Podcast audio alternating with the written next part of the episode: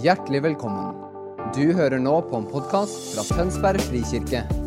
Talen er tatt opp på vår gudstjeneste søndag på Brygga i Tønsberg.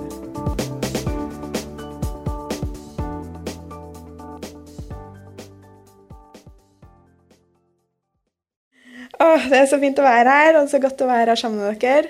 Og det som jeg sa når jeg bar, liksom, det er at det, det er én ting å, å, møte Gud eh, hjemme på, i stua eller liksom ha alenetid med Gud. Men vet du hva, folkens? Det er så viktig at vi kommer sammen og møter Gud sammen. Og han ønsker å møte deg mer enn du ønsker å bli møtt av han. Og alt det han har for det, er tilgjengelig for oss. Og vet du hva? Det er enda mer der. Jeg vil at vi skal forstå det. Og jeg vil at vi skal sitte igjen med etter det møtet her, en enda mer sult for mer av Gud i livene våre. For det er mulig. Det er så mye Gud har for oss, som er tilgjengelig for meg og det, som vi kan få ta, ta tak i. Og mange her har erfart masse. Men til det som har erfart kjempemasse, kan du si det er enda mer. Det er enda mer. Er enda mer. Og temaet i dag er Den hellige ånd overrasker og utfordrer. Og jeg tenker liksom, ja, Det i seg sjøl er jo litt utfordrende oppdrag. Men det med utgangspunkt i Torgussen sin bok, som vi følger nå, så skal jeg være i apostlenes gjerninger. Hvem her liker apostlenes gjerninger? Jeg, jeg skal hjem. Jeg elsker den boka. Den er bare proppfull av nice historie. og jeg bare gleder meg. Jeg har liksom lyst til å se det på film. Jeg, da. Eh, og jeg skal prøve så godt som jeg kan å gå inn i noen av de kapitlene og så male det ut for dere, det som skjer her.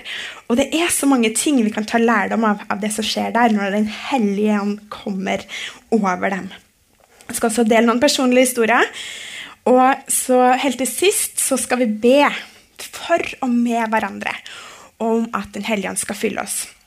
Og så er det sånn, Jeg fikk en e-post i går kveld. bare, Anette, alle forbedrerne er blitt syke. Det er ingen forbedra. Så tenkte jeg bare ah, akkurat når vi skal snakke om Den hellige ånd. Passa kjempedårlig.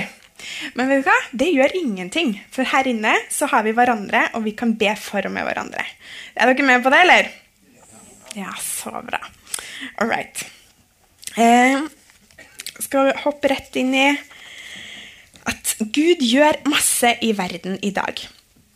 Eh, og jeg tror, sånn som jeg opplever sånn som jeg hører det, så våkner liksom kirka mer og mer til det Gud gjør. Og jeg tror ting spisser seg. Og jeg tror at mer og mer så trenger vi som kristne å stå klar for det som er der ute. Jeg vet ikke eh, om du husker 80-tallet. Jeg, jeg, er jo født på 80-tallet, jeg husker ikke så mye derfra. Men jeg, jeg husker noe av det mamma gjenfortalte av det de opplevde kirka. Det var at på 80-tallet um, correct me if I'm wrong, så var det veldig stort fokus på at Jesus kommer kanskje igjen i morgen. Stemmer det? Litt, i hvert fall. 70-80-tallet. Mm, noen nikka litt sånn, ja, ok. Men i hvert fall så var det mye fokus på at uh, du trenger ikke utdannelse, fordi det, det kan hende at Jesus kommer igjen i morgen. Og hva skal du med utdannelse da? Sant? Og det var liksom OK, ja, Jesus kommer igjen i morgen. Det viktigste du kan gjøre, det er å gå på bønnemøte og sitte der og være i menigheten din. Og, og så vet du hva, En annen ting som var veldig, de var opptatt av, det var at um, det mørke, altså verden der ute, var kjempefarlig. Og det huska faktisk jeg litt. Mamma eh, var sånn der er ikke for å utlevere henne, så jeg tror hun ville sagt det samme. Men det var liksom, alt der ute i verden det var farlig, det var skummelt og det var mørkt. Og vi måtte holde oss på i vår kristne gjeng, for det, der var det trygt og godt. Og sånn eh, tror jeg mange har opplevd det og oppvokst med det. Eh, men jeg tror at det har skjedd et skifte, ikke bare nå, men kanskje de siste ti årene, hvor at Gud bare utbrer sin ånd, og han utruster oss og begynner å si at vi skal være lys og salt i verden. For det er det vi er kalt til å være. Ikke at vi skal være redd for det mørke, men at vi skal ha og være så trygge i, confident, med at vi har så mye lys i oss at vi kan gå inn der det er mørkt, og det vil endre ting. Ikke det at jeg går inn i det mørke og at jeg blir påvirka av det. Kanskje det også, men vi her i kirka, det her er vårt mandat. Vi skal komme på gudstjenesten her, bli så fylt opp at når vi går til arbeidsplassen vår, der vi er på studieplassen vår, så er vi så fylt opp at vi er så sterke lys at det skjer masse explosive stuff gjennom uka. Og så kommer vi neste søndag, og så feirer vi det, blir fulgt opp, går ut. Feirer det, blir fulgt opp og går ut. Høres det greit ut, Morten, at jeg sa det på den måten? Jeg tror det er kjempeviktig. Dette er Guds rike på jorda i dag. Vi trenger, vi ber i Fader våre, la ditt rike, nei, la din vilje skje på jorden som i himmelen i dag. I dag så vil Gud at himmelriket, at det som skjer der, skal foregå her blant oss i dag. Og til det så vet vi at vi trenger Den hellige ånd. Og når jeg ser på dere, så vet jeg at mange av dere har hatt erfaringer med Den hellige ånd. Mange av dere er sultne på enda mer. Og jeg tror at vi skal enda mer være frimodige med å tørre å be om for oss egen del at vi skal bli fylt, men også be for hverandre at vi skal bli fylt med Den hellige ånd med så stor kraft. Begynne, jeg tror at vi skal få lov til å begynne å se enda mer tegn, under og mirakler rundt oss. Det er det vi er kalt til. Jeg vet når jeg sier det, så er det liksom uh, uh, Really? Meg? Ja, du og Den hellige ånd. Du og Den hellige ånd. Den dagen du tok imot Jesus, så fikk du Den hellige ånd. Men vi trenger å bli fylt av Den hellige ånd hver dag. Apostlenes gjerninger 1352 så står det greske ordet 'forfylt av ånden'. Det står i preteritum. Og for dere som er norsklærere, vet at preteritum er noe som fortsatt skjer. Kontinuerlig fylt. Å være fylt av ånden, det er ingen engangshendelse. Det er noe som jeg og du må ta ansvar for at skjer daglig. Det var leksa. ok? Ja. Ok, Jeg skal ta dere med til det som skjer i apostlenes gjerninger, og se hvordan Peter og de andre opplevde Den hellige ånd. Og Der kom virkelig Den hellige ånd og overraska og utfordra, og her har vi masse å lære. Og Vi starter Apostelens gjerninger 1,8. Og der står det ikke sant? Det, her er det som skjer, kort fortalt. Jesus han har vært sammen med eh, disiplene i over lang tid, og så eh, Disiplene bare elska å være sammen med Jesus. ikke sant? De har eh, møtt med han daglig, de har vært sammen i 24-7. Og så har han prøvd å forberede dem. Jeg skal gå bort. Eh, dere skal få en annen som skal komme istedenfor. Så det er bra at jeg drar, men de, allikevel, når det skjer, når Jesus henger på korset, så er det bare Hæ? Hæ? Hva er det som skjer? Hva, er ikke du den du sier du var? Og hvorfor? Og alle de spørsmålene som kom. Eh, og til og med når han har, allerede, han har sagt det til dem På den tredje dag så skal jeg komme tilbake. Men når det skjer, så er de fortsatt overraska. Kan du tenke deg den situasjonen de står i? Men i hvert fall så møter han dem etter at han har stått opp. Og da er det også liksom bare Tror de at han er et gjenferd?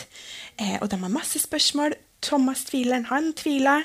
Han måtte kjenne på sårene til Jesus før han virkelig kunne anerkjenne at det var Jesus.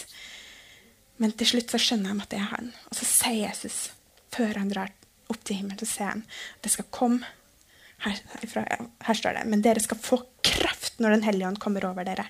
Og dere skal være mi, mine vitner i Jerusalem og hele Judea, i Samaria og helt til jordens ende.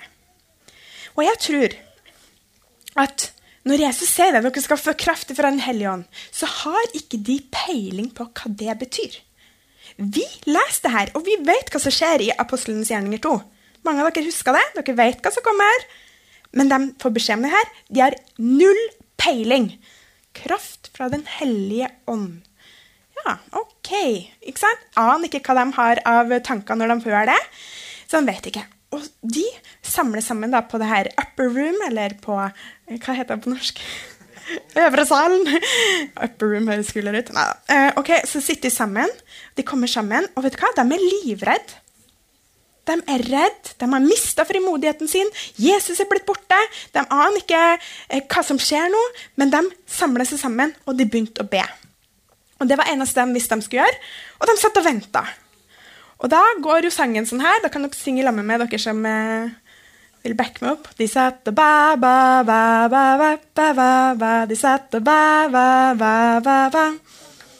De sitter ba, ba Takk skal dere ha. Veldig bra. De sitter og ber og ber, og de vet ikke noe annet. De er redd for det som skjer. ok, Det skal komme en kraft, en hellig ånd. Aner ikke hva det er, men ok, vi sitter nå her og ber.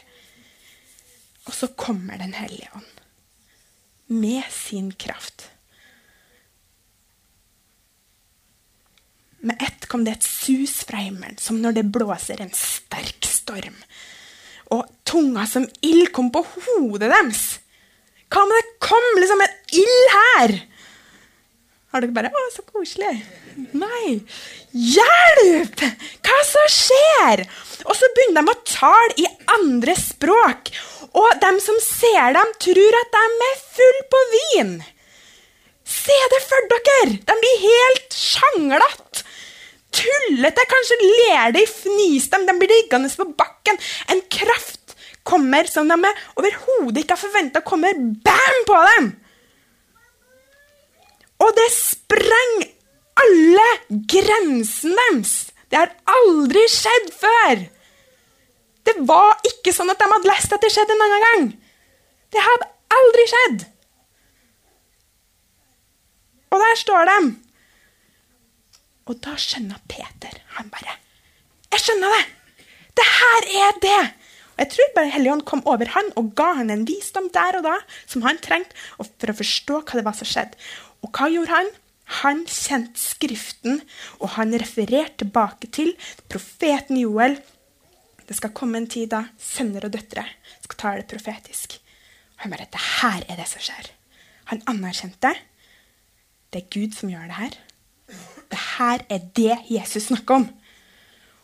Og det som skjer i de her forknytte disiplene som har sittet der på det øvre salen og bedt og bedt og bedt og egentlig vært ganske redd Det kommer en voldsom frimodighet som kommer foran dem. Har du noen gang kjent på den frimodigheten? Og de kommer fram, og Peter han sprenger og han hopper fram og han begynner å tale om det. Det dere har sett! Husker dere Jesus? Det han sa! Han dere korsfestet! Det er han som er kommet med den kraften her. Og den dagen så blir det 3000 lagt til kirka. Bam! Folk kom til tro. De skjønte at det her var noe. Det her er ekte. It's real. De kjente inni sin ånd. De måtte respondere på det. Det var en sånn her Enten så tar du avstand, eller så følger med på det her. De blir stilt på det. Det skjer. Apostelens gjerninger 2. Så går årene. Og eh, vi vet det at de kristne blir forfulgt. Det skjer en forfølgelse av dem. Peter og de, de blir jo kasta litt i fengsel, men de bare priser Jesus når de kommer i fengsel. Joho, liksom. Og så, så rister murene, og liksom skjer masse spennende ting. De er bare glad. Fullt av Den hellige ånd. Men i Apostelens gjerninger 8 skal vi hoppe i. Og sånn cirka det de som kan det her, teologene og sånn, de sier at det er sånn røftlig åtte år etter Apostelens gjerninger 2. Åtte år etter så skjer det her at Philip han, han, Philip, han, han tumla seg bort til samaritanerne.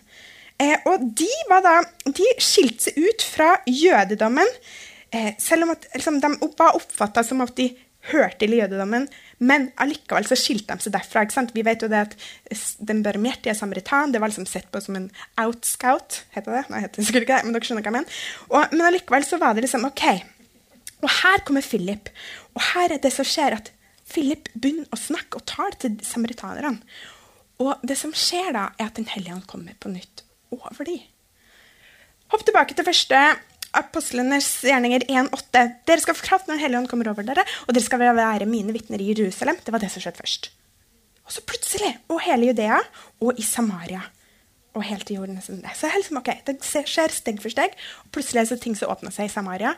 Og Philip han vet ikke egentlig helt hva som skjer. Og det som er en av de sånne, litt sånne tøffe tingene, det er at en magiker, Simon, han, han, har liksom vært der en sånn trollmann, og det skjer masse ting med han, men når han ser og hører det som skjer gjennom Philip, så anerkjenner han det. Og så sier han det der vil jeg ha tak i! Når Guds kraft kommer, så er de som liksom, sånn, er liksom våken, de vil ha Guds kraft. For de anerkjenner at det er ekte. Og det skjer her, og han eh, blir en del av det. Og som et resultat av det her så fikk alle erfare Den hellige ånd. Og det som skjer da, det er at kristendommen går videre, basert på at Den hellige ånd kommer med sin kraft. Ut ifra det her så kan vi ta liksom, ok, Philip han, er, han går utafor liksom, sin gjeng, og så drar han ut til Samaria, og så ser han at der skjer det ting. Så, eller at Helligånd kommer der også. Hva kan vi dra lærdom av det? Jo, faktisk det. Det skjer ikke bare ting her hjemme på huset vårt. Og det her tror jeg ikke er noe hemmelighet for alle sammen her. Men det fins mange forskjellige strømninger innenfor kristendommen og kirkene i verden i dag. Gud gjør ulike ting i forskjellige menigheter. Og det er fantastisk! Det er så lett for oss å tenke ja, bare, vi, altså, du, ah, Det skjer så mye her, og så skal vi bare kose oss her. Og så når vi går til noen andre, så bare ja, ah, Det er ikke i nærheten av det som Gud er her, da. Nei, men det er ikke sånn vi skal se på det. Jeg tror Gud gjør forskjellige ting i forskjellige menigheter fordi vi er meint til å se stykkevis og delt. Vi har ikke fått til å se hele Jesus. Det er så svært. Han romma så mye at han har gitt kristne til å se forskjellige ting, ulike sider av seg sjøl. Da er vårt ansvar å velsigne det Gud gjør i de ulike menighetene, de ulike strømningene, og ta imot så mye som vi kan, og bare velsigne det som skjer der. Kanskje er det fremmed for oss, det er helt greit. Ja, det er ikke helt sånn som jeg ville hatt det, men ok, Gud gjør noe der.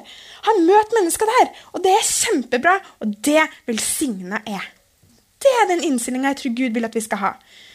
For vi er søstre og brødre i altså Jesus han har satt oss på jorda. Er vi forskjellige? men det er helt greit, men allikevel, vi skal være med og velsigne hverandre. Vi ser stykkevis og delt. Ok, Så hopper vi til Apostelens gjerninger 10. Og det er sånn ca. ti år etter Apostelens gjerninger 2. Og her skjer det litt sånn spennende ting. Her har vi da Kornelius. Og Kornelius han var en gudfryktig mann, men han var hedning. Det betyr at han ikke er jøde. Han er, en, han er på en måte det som du kaller altså, det her var helt uhørt at hedningene skulle erfare Gud. Det må dere få med dere. Det var helt uhørt. Men Kornelius han var en gudfryktig mann. Det i seg sjøl syns jeg egentlig er litt spesielt. For det står det at Kornelius han ba til Gud, og han ga gaver til jødene. Kanskje opplevde Kornelius at han, han opplevde Gud, hadde lyst til å tilhøre det, men kjent på avstanden, men gjorde det han kunne. da. Ok, Så har jeg litt penger, da, så kanskje jeg skal gi dem penger og hjelpe dem så godt jeg kan. Ikke sant? Ser dere det? Det var Kornelius. Og så kommer Gud vet du, og gir Kornelius en visjon. Og han sier du skal sende tre menn av gårde, og de skal gå til den døra eller et eller annet sånt. Og der skal de treffe på en som heter Simon Peter. Og de skal si til Simon Peter at han skal være med hjem til det. Cornelis han uh, gjør det han opplevde at han uh, fikk tiltale på. Han sender tre menn. Og akkurat i det samme det her skjer, akkurat på samme tid, hvor de her mennene er på vei ut, så opplever Peter at han får en visjon. Og det Peter ser, det er veldig spesielt. Han ser en duk som kommer ned fra himmelen. Og må huske på den tida her så spiste man ikke Det var mange ting som var ureint. Man spiste ikke kjøtt. og Det var mange sånne regler fra gamletestamentlig tid som var sett, og alt det som var sett på som ureint, som bl.a. det å være med en hedning eller det å spise de ulike tingene, det, var, det gjorde du bare ikke. Plutselig som åpna himmelen seg for Peter, så kommer det en duk. Og på den duken så er det dyr som kommer ned. Så hører han Gud si du skal slakte dyrene, og du skal spise dem. Altså, Peter altså, det var, det var kanskje noe av det verste og det rareste Peter kunne ha fått beskjed om å gjøre. Vet, se for dere den som bare, ok, Her prøver jeg å leve som en god kristen og fortelle alle om Jesus. Og så skal jeg stå og banne i kjerka. Altså, Det blir nesten litt sånn. Det var helt sånn uhelt for henne å skal gjøre det. Så, så, så er det videre det at eh, Det skal komme tre menn til deg, og de skal fortelle deg hvor du skal gå, og du skal gjøre alt det de ber deg om. Så går det jeg vet ikke hvor lang tid. Kort tid. Dunk, dunk, dunk. Hei, hei. Ja, vi er sendt av en mann som heter Kornelius. Han har fått det fra Gud at vi skulle hente, og du skal være med oss. Ja. Mm, ja. Skal vel det, da. OK. Peter kommer til Kornelius, og for det første, det han sier først Han bare Vet du hva? Her, her kan jeg egentlig ikke jeg være. Jeg går over, jeg går over alle regler, er, alle streker og regler som fins. Og så ser jeg her sammen med dere jeg tror Han var litt motvillig mot det Gud har gjort, men allikevel så gjorde han det. Så det var ikke sånn at han liksom følte seg skikkelig salva liksom, i, i, ånden og liksom sånn og liksom, yeah, nå skal jeg gå ut og ha det her. Men han bare Jeg går, men jeg har ikke lyst. Og jeg aner ikke hvorfor jeg gjør det her. Der var Peter. Og det som skjer, er at med en gang det står det vel at med en gang Peter begynte å tale, så kommer Den hellige ånd over hedningene. På akkurat samme måte som i andre i kapittel 2. Den hellige ånd kommer, bam! På hedningene. Og de opplever å bli fylt med Den hellige ånd og kraft og frimodighet. Og de begynner å tale i tunge, de.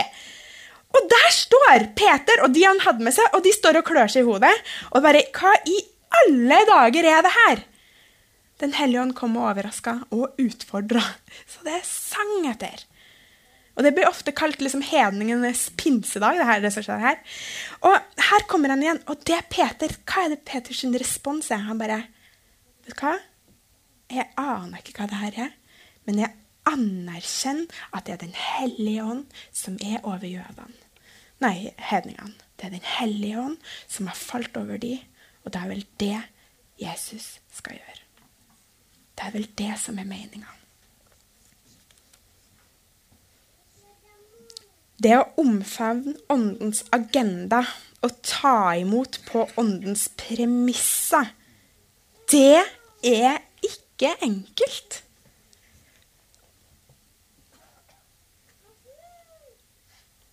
Peter og jødene har vansker for å fatte det som skjer.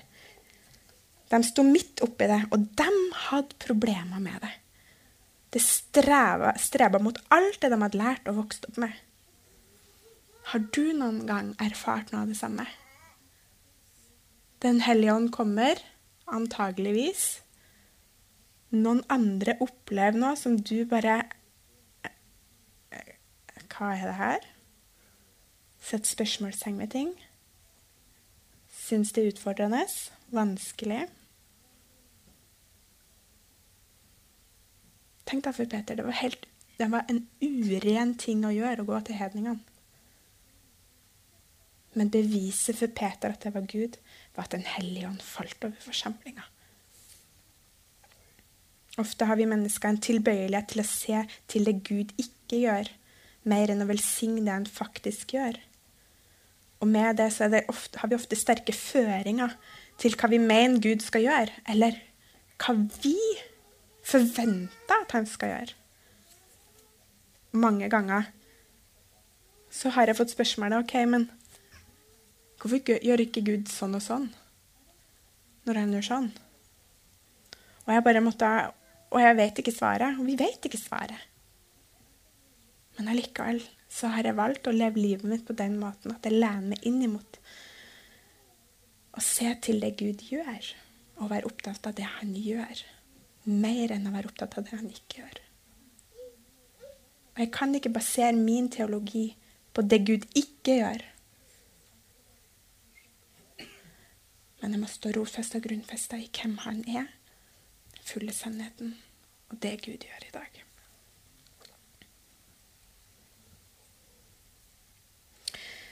Peter kommer tilbake. Han eh, gjør da, altså, Ryktene går foran han, og når han kommer tilbake til Jerusalem, så er det bare Hva i all verden er det du holder på med, Peter? Han måtte stå til ansvar overfor sine ledere. Og han ble kritisert for å ha gått inn til de uomskårne. Og dette belyser en heftig teologisk utfordring som utfordrer hele deres identitet som Guds folk. Og de, da sier Peter, men hvem er da jeg til å stå imot det Gud gjør? Peter utfordra tradisjonene. Men de, det sies likevel Det som det skjer da med lederne, at de oppfører det, det, opplever det her som veldig utfordrende, men allikevel så viser de en fleksibilitet og en åpenhet overfor Den hellige ånd. Og De snudde på det og åpna seg opp for det, for det nye som Det hellige ånd gjør der. Og det spørsmålet jeg tror at vi skal være flinke til å stille oss, og tørre å stille, det, liksom OK, Gud, hva gjør du nå? Og det vil jeg utfordre dere til å gjøre også i lovsangen. Når dere kommer inn i kirka, før dere drar på kirka. Hva, hva gjør du nå? Hva gjør du, Gud? Tør å stille spørsmål og lytte inn. Og ofte da, det som skjer er at Når man begynner, så begynner man å plukke opp ok, så Kanskje føler vi på noe som Gud gjør. Og så ofte har jeg opplevd det mange ganger, så kommer en møteleder opp eller en taler, og så bare sier han noe av det samme som jeg har gått og båret på. Eller, eller følt på. Og for meg så er det en sånn her anerkjenning. OK, Gud, du lærer meg noe i det her. For jeg tror ikke liksom at vi skal være én som står og sier at Gud gjør, men jeg tror at vi som et kollektiv vi skal komme sammen. Så skal vi lene oss inn til det Gud gjør, og lytte til hva han gjør. Så skal vi gå i den retninga. Sammen. Sammen med de hellige. Sammen skal vi fatte høyden, lengden, dybden og bredden. Jeg kjenner hele Guds bilde.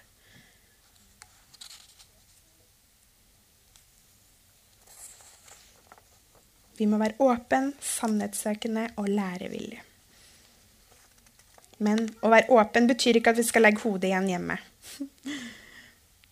Det skjedde masse på pinsedagen som var helt uhørt. Og når Gud handla, så vil det skje underlige ting som sprenger vår erfaring. Det finner vi gjennom hele Bibelen. Men vi må være et forberedt folk som kjenner Skriften, som leser Guds ord, som lytter til hva Den hellige ånd sier, og så følger med og er nysgjerrig. Jeg syns det var en sånn fin det, det siterte fra boka. Et forberedt folk som kjenner Skriften, som leser, lytter og følger med og er nysgjerrig.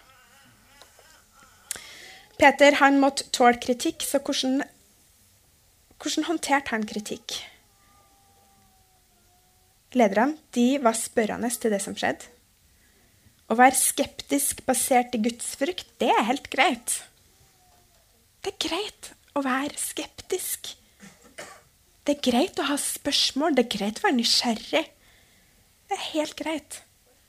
Så lenge det er med en ydmyk holdning til at ok, hvis at Gud åpner opp og åpenbarer seg på en annen måte, så er vi villige til å ta imot. Det er en distinksjon, det her, sa jeg det helt feil. Men her er nøkkelen dialog, kommunikasjon og respekt. Jeg husker eh, jeg dro til eh, Jeg hadde eh, Min søster kom hjem fra Mosambik i 2005. Da hadde hun vært på misjonsreise der. Eller misjonsskole til Heidi Baker. Hennes første misjonsskole, så det er jo en del år tilbake. Heidi Baker var ikke et navn. Eh, mange av dere vet jo hvem hun er i dag. Men det var ingen som visste hvem Heidi Baker var på den tida. Min søster hadde erfart, eller vært på et møte med henne i New Zealand. kom tilbake, Hun måtte til Mosambik for at hun opplevde at Gud hadde noe for henne der. Vi skjønte ikke helt greia. Søstera liksom, OK, du kan jo få mer av Gud her i Norge. Liksom. Hvorfor må du til Mosambik, liksom. Det er mange som stiller seg det spørsmålet. Men hun kjente hun skulle dit. Hun dro dit. Og, eller hun fikk først ikke plass på den misjonsskolen, for det var fullt. Og så sa de ok, men hvis du er villig til å komme og bo i telt i Mosambik i tre måneder, så kan du få lov å komme. Hun bare Jeg kommer. Eh, vi sendte henne av gårde til, til, å bo i telt i tre måneder i Mosambik. Hun var 19 år, eller var 20. Eh, hvert fall. Eh, hun kom hjem. Og jeg jeg var i Ungdom i oppdrag, jeg var, var, på team, jeg var full on, liksom. liksom søkt Gud og, og brukt masse tid med Gud. Og så kommer søstera mi hjem. Og det jeg opplevde Det var veldig merkelig. det var akkurat som når jeg så søstera mi, så var det bare stråla. Hun stråla en sånn kjærlighet som jeg aldri har opplevd maken til. Og den første tanken min var sånn Sånn var det sikkert når Moses kom ned fra fjellet! Det var kanskje litt mer da når Moses kom ned fra fjellet. og liksom stråle sånn. Men jeg hadde sett Gud. Men jeg tenkte hun har sett Gud! Og så satte hun seg ned sånn her. Søstera mi, da. Og så, og så og så ba hun og så sånn Show! Noen som kjenner til? Og hun showa skikkelig. Altså, Hun showa ikke, men hun hadde masse sånn der, hun hadde sånn nøk, nikker og hun hadde masse sånne eh, manifesteringer. Og jeg hadde aldri sett det. Og hun bare Å, Jesus, og show, show. Og jeg bare hva er det som skjer med henne? Og var helt Å, jeg skal bare be om at Guds kjærlighet skal komme over det. Og så fylte av kjærlighet, vet du. Bobla over. Og jeg sendte her og da På anstøt. Jeg har aldri sett at Helligånd gjorde noe sånt med noen folk, og det så rart ut. Og samtidig så kjente jeg på en sult inni meg på at jeg ville òg ha det der. Og der sto jeg ovenfor. Skal jeg bare avvise det? Fordi at jeg syns det er rart, det er utfordrende, det er ubehagelig. Eller skal jeg gå etter den indre tørsten, at jeg bare vil ta mer av Gud? Og jeg er så takknemlig for at jeg valgte det siste. Jeg bare aner ikke hva du holder på med, men be for meg, jeg vil ha mer av det. Jeg opplevde ikke Den hellige ånd på den måten når hun ba for meg. Det var ikke sånn at jeg satte meg ned og showa og showa, håret for hit og dit og sånn. Men jeg sendte at jeg ble fylt med en kraft og en kjærlighet, og jeg tror at det var et viktig, avgjørende møte. At jeg fikk ta en avgjøring der og da. Vil jeg ha det Gud gjør, selv om at det ser rart ut? Eller avvise det? Og jeg tok imot det. Og eh, ene tingen baller på, på seg, og jeg blir spurt om å Satt og ba, og så var det noen som ringte og spurte om jeg ville være med på et sommerteam. Og det var med som Andreas Fjellvang. Han hadde vært i Redding, California, og Katrine hadde jo vært der i Mosambik, og de var jo on fire. Og det skulle hete Jesus Explosion Team. ikke sant? Det eksploderer oppe i Nord-Norge. og det var heftig. Og ringte henne og sa har du lyst til å være med på det her? Jeg hadde ikke lyst til det hele tatt. Jeg hadde vært på team i to år med Ungdom i oppdrag, og jeg syntes det var nok. Og jeg hadde lyst til å jobbe i bank og gå i fine klær og stresskoffert.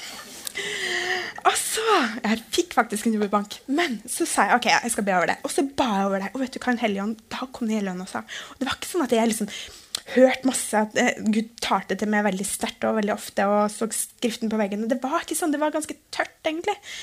Men da sa Den hellige ånd til meg, Anette, det her er det nye jeg gjør. Vil du være med på det? Og alt smelta i meg. For det første, tusen takk at du, Hellige Ånd, kommer og inviterer meg med. Wow, tusen takk. Og det tror jeg invitasjon er der til oss alle hver dag. Dette er det nye jeg gjør. Vil du være med på det? Og når Den hellige ånd tar til, jeg bare Ja! Jeg skal være med! Jeg ringte banken og sa jeg skal ikke ha jobben der lenger. Pappa skjønte ingenting, liksom. Og mange som ikke forsto det. Vet du hva, jeg traff faktisk Nei, ok, jeg skal ikke ta historien. Det er kjempe, kjemperar. Men uansett, og så sa jeg ja til å være med på det. Og da opplever jeg ting som jeg hadde aldri vært med på før. Og jeg så plutselig så fikk jeg oppleve at Gud brukte meg til å be for folk som ble helbreda, satt i frihet. Jeg opplevde at det profetiske fløyt. Jeg hadde aldri profetert over noen i hele mitt liv. Jeg hadde nesten ikke hørt et profetisk ord over meg sjøl engang. En eller to ganger. Og så begynte Gud å bruke meg og oss på teamet. Og vi så mange mennesker, ungdommer spesielt, som erfarte Gud. Og det her bare, det her bare balla på seg. Det gjorde at jeg kjente jeg må enda mer av det her. Jeg skal gå til landing snart, altså. Men det gjorde at eh, at jeg fant ut at jeg må ha mer av det her. Så da hadde jeg lyst til å gå denne bibelskolen i Battle Church i Reading, California. Og så eh, dro jeg og min søster dit. Og mamma Mamma er en del av historien her. Noen av dere kjenner henne. Hun er fantastisk. Hun er faktisk prest på VR, for dem som ikke vet det. Ja, ja der, ja. Vi er fra VR. Og mamma hun har alltid vært min sånn her Kom igjen, Anette! Vi, mer av Gud Altså, hun har liksom bedt oss igjennom, hvis det fins noe som heter det. Altså, Jeg kan takke henne for ja, alt mulig. Og hun har alltid vært sånn støtta oss i alt og alt som har med Gud å. Ja. Og så, eh, og så eh, kjenner hun også liksom, Hun ber over det. Ja, Anette, jeg tror det er viktig at du skal dra dit på den bibelskolen. Eh, og så drar vi dit, og så begynner vi å oppleve mange ting der i, den, i Bethel Church. Og det her er på et tidspunkt hvor ingen, eller veldig veldig få, hadde eh, hørt om det som skjedde der borte. Eh, og vi var blant de første nordmennene som kom dit. Dette var i 2006, den høsten. Eh, det skulle gå halvannet år før Jan Helge Frøen og Ottar kom. eh, men dere hadde vel hørt om det akkurat på det tidspunktet? Ottar, i hvert fall. Men det som skjer er at eh, jeg begynner å ringe hjem til mamma så begynner jeg å fortelle om det som skjer. Og jeg opplever da en mamma som er litt skeptisk. Og hun begynner å sette spørsmålstegn til ting. Ja, men altså Hun er veldig søt, da, mamma. Hun er veldig søt. Hun gjør det ikke så hardt. Men hun begynner å sette spørsmålstegn til ting. Og ifra at jeg liksom alltid har liksom fått den der Go, kom igjen! Til at liksom bare Neimen, hva med Og så, så merka jeg det. Men det var når vi kom hjem til jul, så fikk mamma se og erfare fruktene av hva Den hellige ånd hadde gjort i oss, og ikke minst gjennom oss. At hun så det, og da kjente hun Yes, det her er bra. Og hva var hennes respons? Jeg vil ha alt det dere har fått! Jeg vil ha alt og enda mer! og hun ble den som ble nesten mer crazy enn oss. Vi blir stilt på det valget. Det er greit å være skeptisk. Vi skal bruke hodet vårt. Men når Gud kommer, og når Den hellige ånd kommer og gjør ting som vi ikke er vant med, så må han få lov til det. Han vil overraske oss, og han vil utfordre oss. Og det er fordi han vil utruste oss til å være lys og salt i verden. Til å bære en kraft ut til verden. Når du går inn på dine arbeidssteder, der du er, studieplassen din, når du er med barnebarna dine, uansett hvor du er, at du skal vite det. Du kan være helt bombesikker på at Den hellige ånd, han bor i meg. Og det er en kraft som jeg skal få lov til å øse ut med der er jeg. Mitt ansvar er at jeg bare fyller meg med Den hellige ånd hver dag.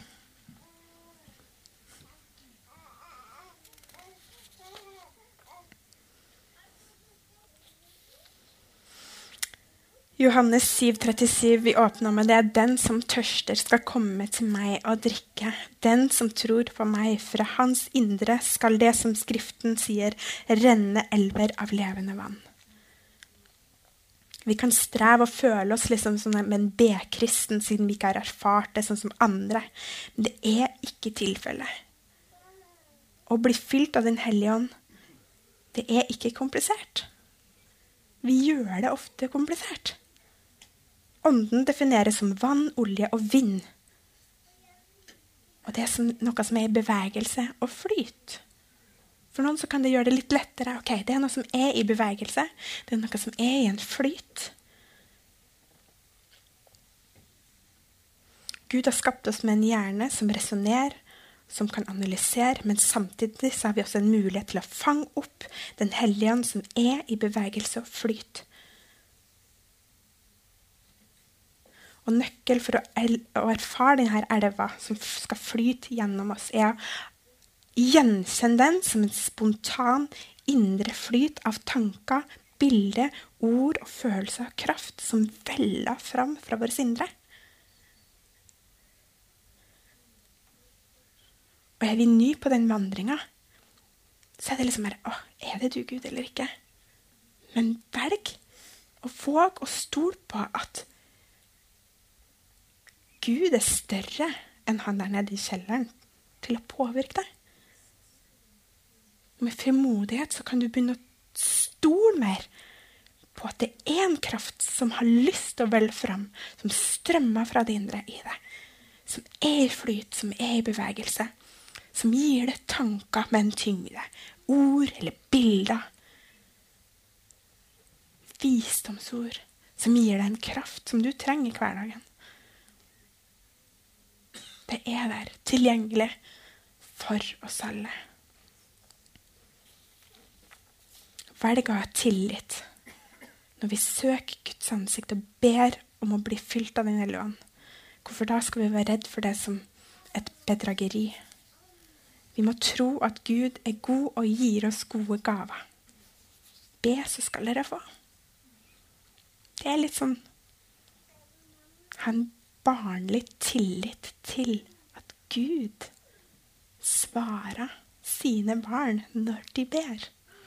Når de med oppriktig hjerte søker å få nådegavene til å bli fylt og kunne bære denne kraften ut til verden.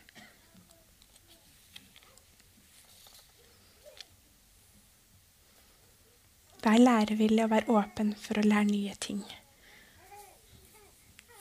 Lær å stille gode spørsmål, involver deg, ikke ta avstand. Yes. Jeg tror vi skal bare reise oss opp, rett og slett. Og hvis du har lyst til å sitte, så er du fri til det. og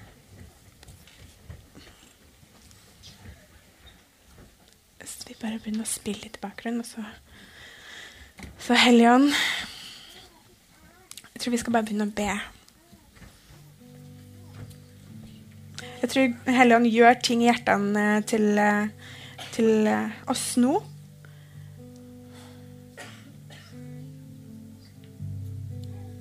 Så det er en, noe av det jeg sa, som bare Ring litt høyere. Bare begynn å be over det og tenk på det. Okay, Helligånd, hva er det du gjør? Hva er det du gjør, Helligånd, akkurat nå? Hva gjør du i meg? Hva gjør du her iblant oss akkurat nå?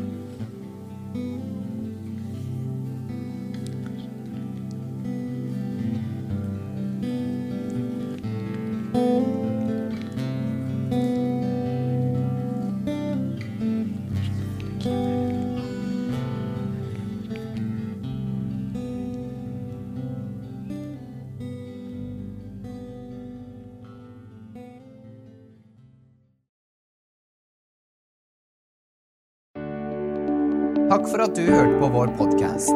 Har du spørsmål eller ønsker du å vite mer? Søk oss på vår nettside tonsbergfrikirke.no. Du er også velkommen til kirke på Brygga i Tønsberg.